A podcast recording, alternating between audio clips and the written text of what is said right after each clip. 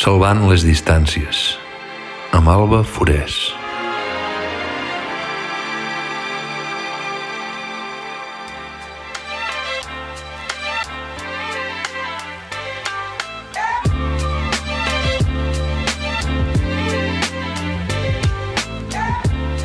Hola, sóc Alba Forés i això és Salvant les distàncies, el podcast per als que ho volem tot, el poble i la ciutat. Avui tenim un capítol especial perquè va lligat a la història d'un noi de ciutat i una xica de poble que han trobat el paradís molt propet d'on estic ara, a Tortosa. La història que ens ocupa, i estem a punt de descobrir, comença amb un peu a Barcelona i l'altre a Ulldecona, al Montsià, el que els protagonistes anomenen la Califòrnia catalana. Hi ha una expressió per a dir que a la vida, com a les bones cançons, necessitem un poquet de cada cosa, no? Per anar bé volem una miqueta de canela i una miqueta de veneno, no? I així, canela, veneno, canela, veneno, anem trobant el punt dolç del contrast, que és on hi ha l'equilibri. Com se sol dir, en la dosi està el verí. Laia Beltrán i Borja Dunyó han sabut trobar-li la gràcia als dos mons, rural i urbà, i, com diu Laia, tant els sembla una droga deliciosa, la voràgine de la gran ciutat com la calma d'un poble menut. Del llibre que presentem, Un paradís com el nostre, podem dir que és una demostració que saber estimar també vol dir saber llegir. Saber llegir l'altre, saber llegir un lloc, un paisatge o la gent que l'habita. Laia i Borja han sabut llegir-se mútuament i per això ja no sabria dir qui és la xica o el xic de poble i qui és la noia o el noi de ciutat. Ara són, com ells mateixos diuen, Elastic Girl i Elastic Lad, dos superherois capaços d'adaptar-se a tots els imprevistos d'una vida flexible i excitant alhora, amb un peu a la ciutat i l'altre al territori. Amb tots vosaltres, Laia Beltran i Borja Dunyó.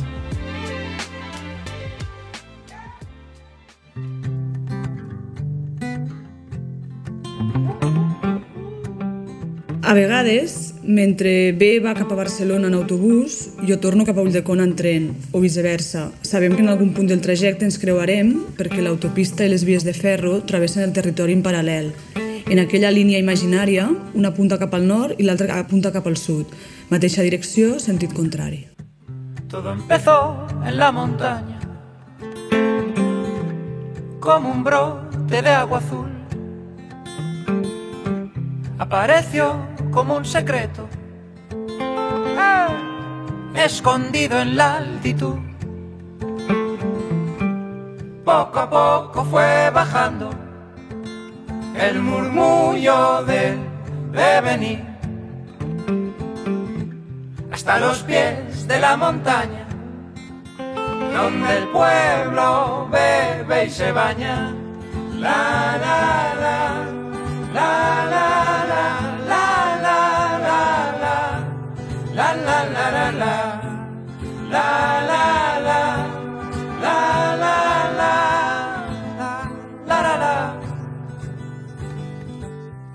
Gota a gota fue sumando. ¿Y por qué será? Será por gravedad. Que si la unión hace la fuerza, juntémonos y vamos a bajar. La, la. Y al final hay un camino, es el que vamos a tomar. Lo que empezó en la montaña se fundirá con el mar. La, la, la. Comencem 10 anys darrere, eh, primavera del 2012, que és un poc quan tot comença, o segons el llibre ens podem ubicar una miqueta mentalment, eh, és un punt d'inflexió. Tu, Laia, escrius, a un pis de Gràcia ja s'ha obert el meló del canvi de residència de la gran ciutat al poble natal, no? I resulta que, que ho demanes a la feina, que ho planteges, i, i, i ens fas pensar que potser a vegades és atrevir-se a demanar-ho, no? Esta opció de mm, sempre has treballat o has fet les coses d'una determinada manera i demanar o se, se t'acut una idea o una opció, la planteges i bé, i resulta que et diuen que sí. Com, com recordes aquell moment? Perquè mm, en aquell moment ningú teletreballava, ningú es plantejava aquesta opció, no? Quan ho vas plantejar, com, com va ser allò? A veure, clar, han passat 10 anys ja. Mm, sí que recordo haver-ho haver, plantejat, potser una mica cara de sorpresa de la, de la, de la meva cap, però potser ho vaig plantejar bastant bé i la idea va acabar, acabar quallant. De fet, recordo, no sé si ara ho explico al llibre o no, però crec que sí, que em van dir com un temps de prova. Van dir, comences al setembre, anem provant fins al desembre, a veure si funciona aquest experiment, aquest equilibri, i, i en funció d'això decidim. I al final vaig estar quasi 9 anys crec amb aquesta fórmula perquè amb, amb, el, amb el Covid van haver reestructuracions i, i bé, aquesta feina es va, en certa manera es va, es va acabar. Però, mira, és el que dius també tu al principi, no? Moltes vegades t'has d'atrevir a fer les coses, aunque penses que potser et diran que no. Mm, aquí no, no vaig haver ni d'insistir, va, va, ser, va ser fàcil. I també crec que això va facilitar molt tot lo que va vindre després, perquè una cosa és fer aquesta aventura amb una feina assegurada i l'altra és fer-la sense cap. I dius, ben jugat, el cos al poble i un peu sempre a Barcelona. Este sempre a Barcelona també ha sigut una mica el truc, no? d'estar sempre connectada, de no, de no tallar aquell vincle també més enllà de la faena.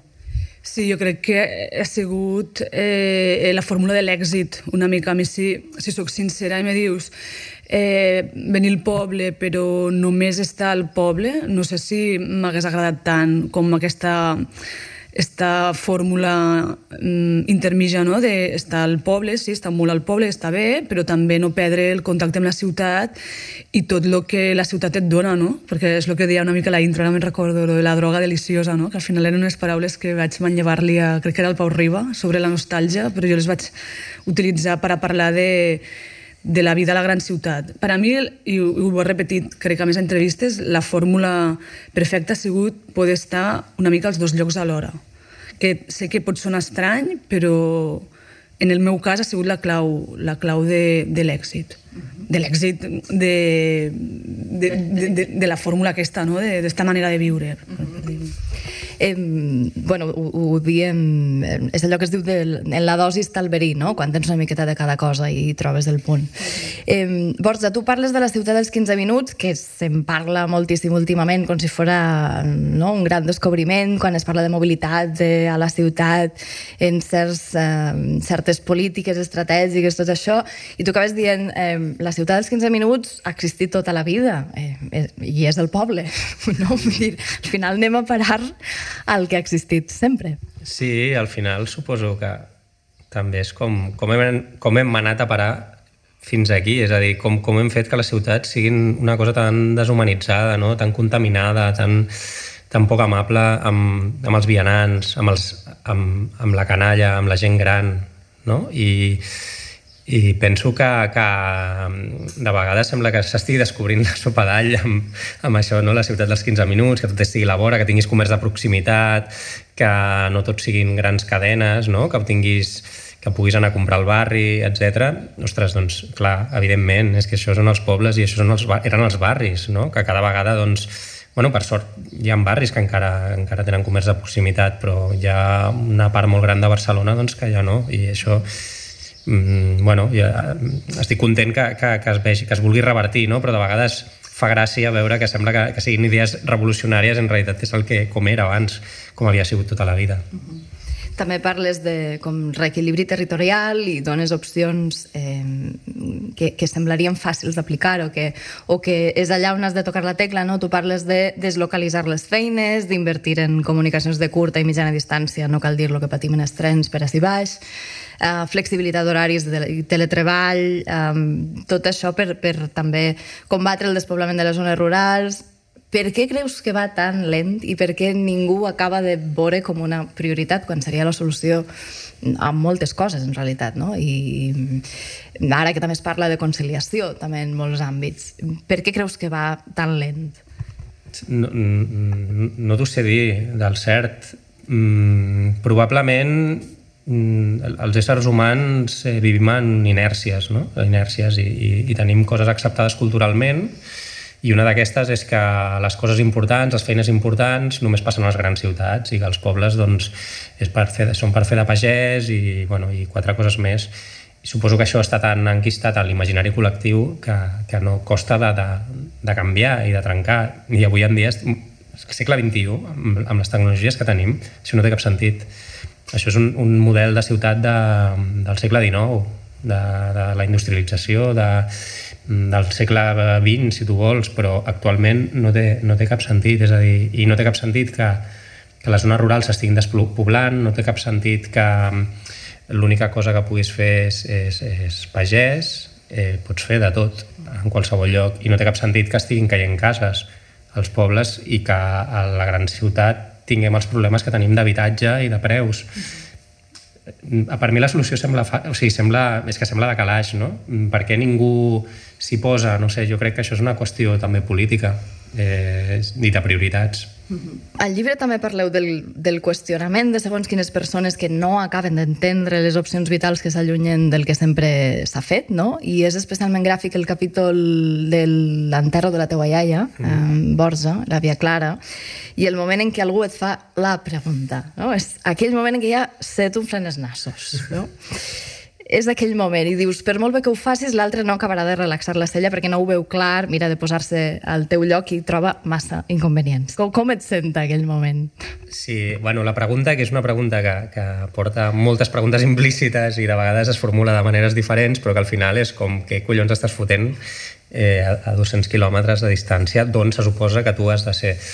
Um, també he de dir que la gent ho fa sense cap malícia, és a dir, moltes vegades doncs, quan et trobes amb algú mm, i per iniciar una conversa doncs, treus allò que et ve al cap i allò que els ve al cap a molta gent quan parla amb nosaltres des de fa 10 anys, doncs ara potser ja no tant perquè ho tenen molt assumit, però sobretot a l'inici era, bueno, i el poble què tal, i no sé què, ja us adapteu, no us avorriu, eh, i què feu allà, i què fareu, i quan tornareu, i coses d'aquestes, no? I, i, bueno, mm, no és que molesti, perquè, òbviament, és una pregunta lícita, però, però sí que és com el cansament d'aquesta inèrcia, no? aquesta dificultat per canviar marcs mentals de les persones. És a dir, tenim tant, un marc mental tan, tan, tan estructurat, ens ve tant de fàbrica que ens costa molt pensar en altres opcions.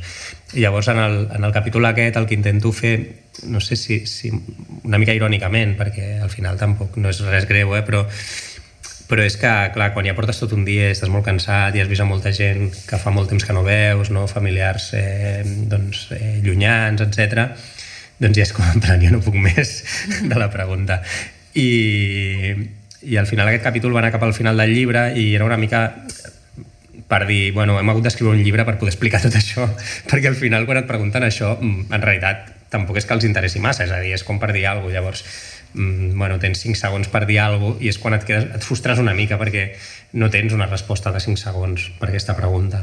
I llavors per això també cansa molt, no? perquè et genera una certa doncs, això, frustració, no? de dir, ostres, m'encantaria explicar-t'ho bé i que ho entenguessis, però no tinc temps i tampoc tens temps tu per escoltar-ho. Llavors, bueno, ara quan ens facin la pregunta els emplaçarem a llegir el llibre. Tu, Laia, també has hagut de lidiar de tant en tant en este qüestionament, pot ser ara no tant, pot ser més al principi, però eh, també parles al llibre del pensa tu bé, t'avorriràs, no? I dius, hi ha gent a qui li agrada pensar per tu, fins i tot quan no li ho demanes. Sempre hi ha esta cosa de, de qüestionar a qui pren un altre, un altre camí, no? Jo crec que, que Borja ho ha, ho ha respost molt bé, no? Una mica a la que tu prens una decisió que surt fora de la, de la norma, és normal, mai millor dit, que, que es qüestione, no? I sí que és cert que quan vam informar, per d'alguna manera, no? a la família o als amics més propers de que preníem aquesta decisió de d'anar a viure a Ulldecona, que no volia dir desvincular-se de Barcelona, però és un concepte que realment en aquell moment era, no era tan habitual com ara, sí que van haver certes eh, suspicàcies, no? de però això esteu segurs, pot ser... No, no, el que expliquem al llibre. Tu has de prendre la decisió que creus que has de prendre, tenir el poder de decisió és molt important, tu estàs prenent una decisió perquè creus que te convé més, que et pots equivocar o no et pots equivocar i ja es veurà, no pots saber-ho per avançat, i sí que moltes vegades has de ser indulgent amb aquesta gent, que jo recordo algú que al cap portàvem ja cinc anys vivint aquí i encara ens preguntava què, què tal pel poble, us adapteu, us adapteu? I i jo fèiem inclús bromes privades en plan, ostres, que portem cinc anys ja hem tingut temps d'adaptar-nos i readaptar-nos. Però que també crec que no, és, que no hi ha malícia o, o en la majoria dels casos no hi ha, és bàsicament que bueno, doncs la gent les coses que no acaba d'entendre o encaixar-li, doncs les, les qüestionen i que sigui inconscientment i, i ja està. També és cert que fa 10 anys mmm, venir al poble es podia llegir com un fracàs, cosa que jo crec que ara sobretot per la pandèmia, les noves tecnologies, han hagut com diferents factors que han accelerat molts processos, no es veu així. Vull dir que també, ara per exemple, si ve gent, a lo millor gent que es, que es va qüestionar el nostre cas, doncs no, no ho veurà ja tan, tan greu no? o tan estrany. Tu, Leia, has tornat al teu poble després de molts anys fora. El teu viatge ha sigut com de tornada, el de llavors ha sigut una mica més de descoberta, i expliques com eh, tu has mirat diferent, no? Has, Um, tu parles de mirar-t'ho amb, amb, amb ulls de xiqueta perquè segons com eh, redescobrisses també moltes coses. Clar, és que tu pots tornar al poble i eh, viure aquí, treballar a Barcelona i no fer vida de poble, és a dir, és una, una circumstància al poble, o tu pots intentar eh, venir amb una mentalitat oberta i pen, millor pensant que hi ha coses, moltes coses que, que et poden encara sorprendre. Jo crec que, que esta va ser una mica la nostra predisposició, no? És a dir, tots tenim prejudicis, això està clar. Jo que has pogut venir aquí amb prejudicis i vaig preferir aparcar-los i, mira, mm, deixar una mica que la, que la vida te sorprengui, no?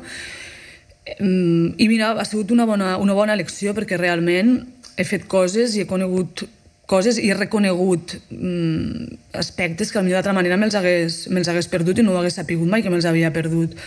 Vull dir que en aquest aspecte jo me vaig plantejar venir, tornar a Ulldecona com si m'hagués plantejat anar a viure a Vic, que no coneix a ningú, o a un poble de Salamanca o a, a Nova York. És a dir, amb la voluntat de, mira, ja que estic allí, pues intentaré passar-me-ho el millor possible, el que vingui vindrà, jo sóc molt així de deixar que les coses passen i no calentar-me massa al cap, massa, massa content. En esta línia també això, això va pas dos. Creieu que hi ha un moment per a, per a fer aquestes coses, per a dir, me, me voy pel campo? Eh, un moment vital, una etapa en què ja has fet segons quines coses i dius mm, o, o, o no, o sempre hi ha un risc i l'assumixes i te tires a la piscina i proves a veure com va. Jo crec que és la segona part, perquè seria el mateix, el mateix que dir quan és el bon moment per tenir un fill. Mai seria el bon moment de tindre un fill, sempre, no? Llavors, al final, doncs mira, el tens o no el tens. I aquí una mica, doncs el mateix. Eh, va ser una mica més aviat idea de Borja, a mi al final me va convèncer i, i vam decidir provar i ja està. I, i trobo que no no sé, si a vegades penses com hagués sigut la nostra vida si ens, haguéssim quedat a Barcelona, pues segurament també hagués tingut coses molt bones, no? No? Per Home, no clar, és que jo, jo crec que no hi, ha, no hi ha decisions bones i decisions violentes. Prens Això... les decisions que prens i ja està, i no sé, segur, vaja, no sé, és que tampoc pretenem dir a ningú què, han de, què ha de fer, no? Però sí que penso que Barcelona és una ciutat que o sigui, seria molt difícil convèncer algú de 25 anys de fer això, saps? Barcelona és una ciutat que et dona molt quan tens, no sé, de 18 a o sigui, 35 anys, no? I després potser ja, mm, si, te, si tens més responsabilitats, dius, sí, a Barcelona hi ha molts teatres i molts cines i molts concerts i no sé què, però tu cada dia, que vas, que quan acabes de treballar, què vas a fer? Vas a comprar, vas a fer el sopar, vas, no? tens, tens responsabilitats. Ah, com a molt pots anar un dia o dos al gimnàs i parar de comptar, i potser un dia vas al cine, però vull dir, és que al final és una fal·làcia també tot això, no?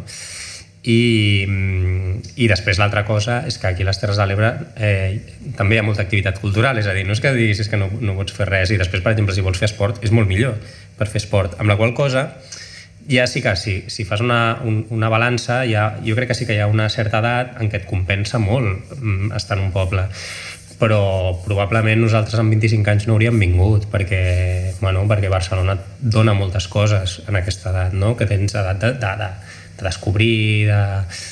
no sé, òbviament, nosaltres potser, potser, vés a saber, si no haguéssim fet tot això, si no haguéssim viscut una vida molt, molt, molt intensa a Barcelona, no sé, potser no... Perquè la sensació és una mica que, que aquesta vida ja l'hem portat i que la part que ens segueix agradant doncs la podem seguir fent perquè podem anar-hi a Barcelona també. Molta gent mm. a Barcelona un concert o a Barcelona el que sigui, no? Llavors, bueno, no sé, no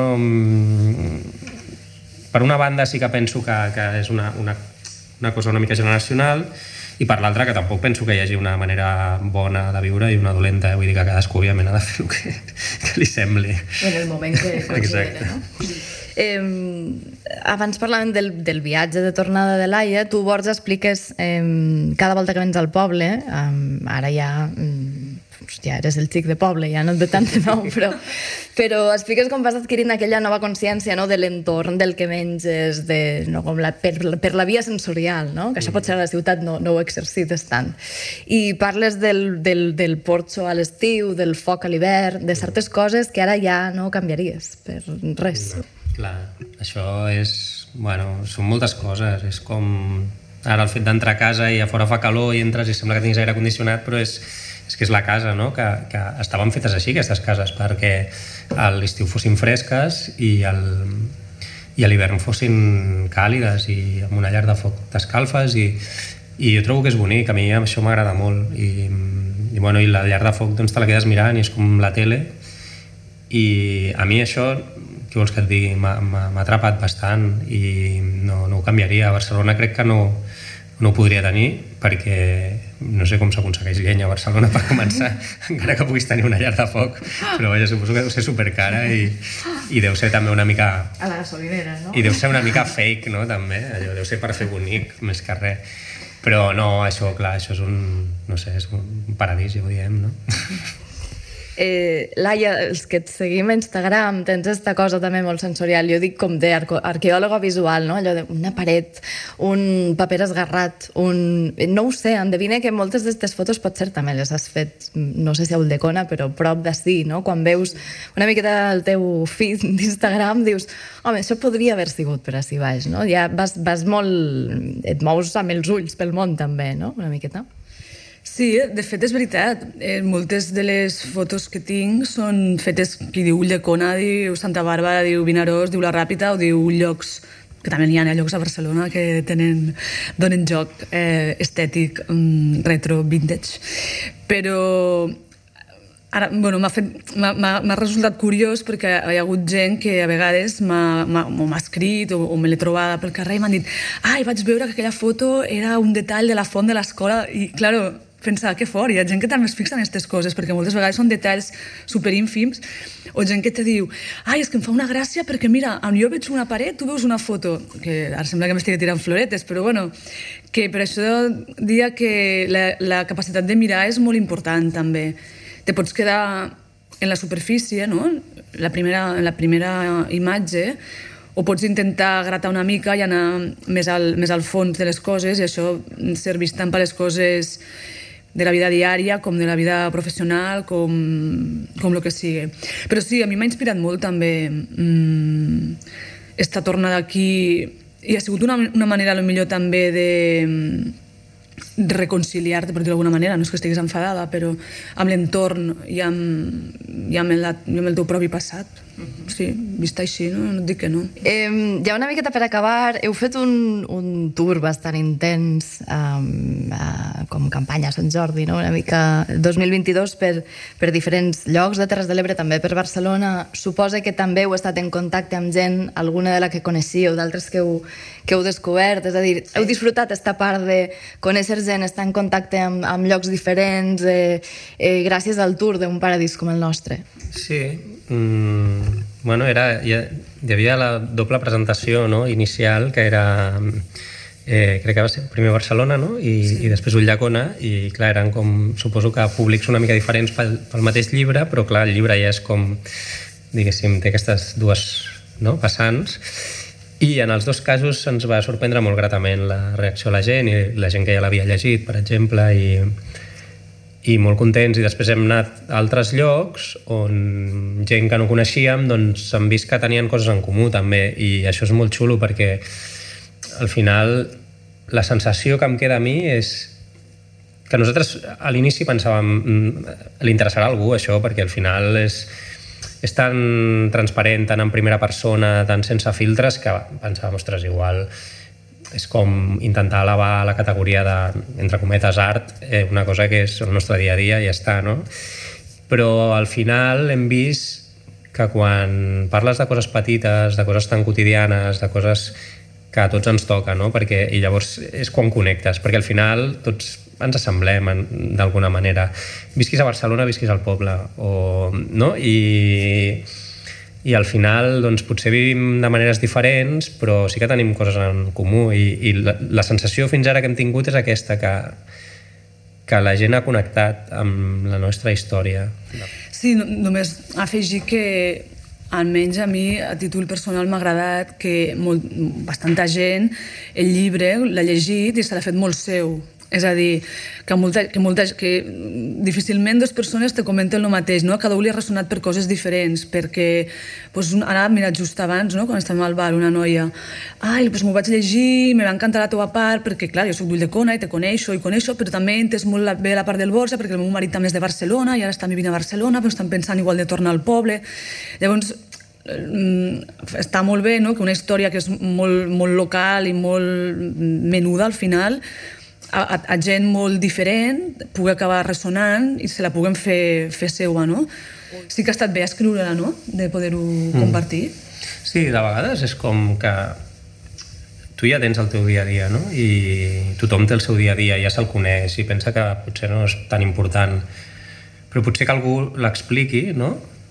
Fa que pugui reviure coses i això és, és bonic, trobo. I, i més des d'un punt de vista, diguéssim, crec que està fet amb molt de carinyo aquest llibre, llavors suposo que això també s'ha percebut, no? perquè nosaltres estem contents d'estar aquí i, i crec que això és, és, o sigui, es respira en el llibre. I, i està bé, perquè penso que són temps una mica cínics, no? O sigui, quan et poses a xarxes i tot això, no, crec que no es porta una mica... No, no es porta aquest to més amable, més caliu i tot això no sé si s'està perdent una mica i potser aquest llibre, com molts altres llibres, et, doncs et donen com una sensació de confort, no? Penso, quan, o, és la, o almenys era la idea que, que com a mínim jo vaig anar desenvolupant a mesura també que anàvem escrivint i que ho anàvem comentant i que, per exemple, al principi l'Aia que va llegir coses meves i, i em va dir que algunes coses les descartaria, llavors perquè també anàvem trobant quin, quin era el to del llibre, llavors vaig anar veient quin, que, que el to era aquest, era un lloc on... O sigui, que tu llegissis i estiguessis a un lloc mm, eh, confortable, acollidor, i, i no sé, crec que ha acabat sent això, aquesta idea de paradís, no? Sí, és que al final el paradís és, és on tu estàs, en qui estàs i, i com estàs, no? Més que un, un lloc físic, al final és un lloc mental, no?, una mica. I també ha estat bé si hi ha gent que llegint este llibre ha pres més consciència de, del lloc on viu, no?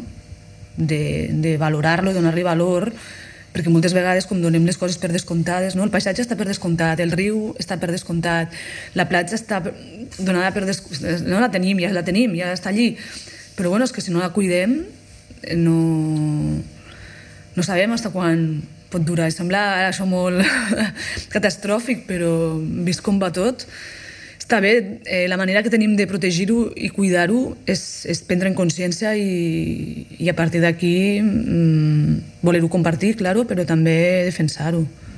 Això crec que és molt important. I que hi ha un missatge optimista en aquest llibre, no? També, que no... Mm dins de tot. No. Sí. O què és? Que, és... no sé, trobo que estem molt no, transcendentals. I... No, jo crec que sí, Ai, perquè és com el món se'n va a la merda però encara pots trobar oasis una mica, no? Sí, per favor. I, I una cosa que no se'n parla prou, que és que eh, no cal triar. És a dir, pots tindre Barcelona, pots tindre vida fora de Barcelona, pots tindre vida compatible amb Barcelona i sembla que o eres rural o eres urbanita i no, i no res més lluny, no? Eh, I això és una cosa que, que ho he explicat molt bé. Eh, Laia Bertran i Borja Dunyó, un plaer um, a per la segona edició ja. A veure si hi ha segona part, perquè estem tots expectants i esperant, no? Hem de passar 10 anys més, com a mínim. com a mínim.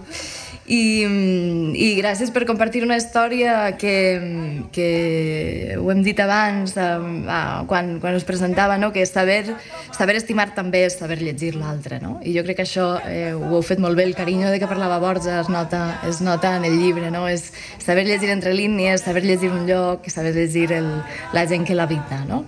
Així que moltes felicitats a tots dos. I bueno, ens preguntem. També es nota en aquesta entrevista que l'has llegit amb molt de carinyo i molt profundament, eh? Que és l'entrevista on el llibre està més ben disseccionat.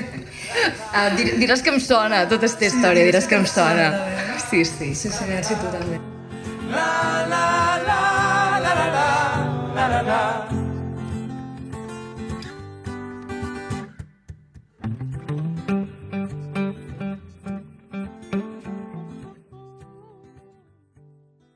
Què ho fa que hagis triat una manera de viure que no és del tot normal? Per què no fas com tothom i vius al lloc on treballes, treballes al lloc on vius? Hi ha un desplaçament, 200 quilòmetres, un desajust, alguna cosa que no acaba d'encaixar, i a la gent li agrada que les coses encaixin. La gent ho vol, ho necessita. I tu, el que necessites, és no haver de donar explicacions. What is freedom for you? What is freedom for you?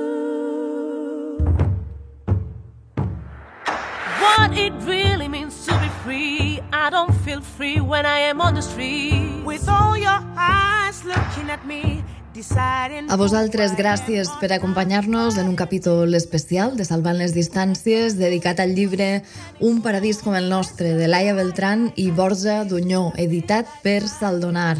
Veureu que hi ha vida més enllà de Barcelona, que hi ha vida compatible amb Barcelona i que no cal triar perquè ho volem tot, el poble i la ciutat. I Salvant les distàncies. Amb Alba Forés. What is freedom for you?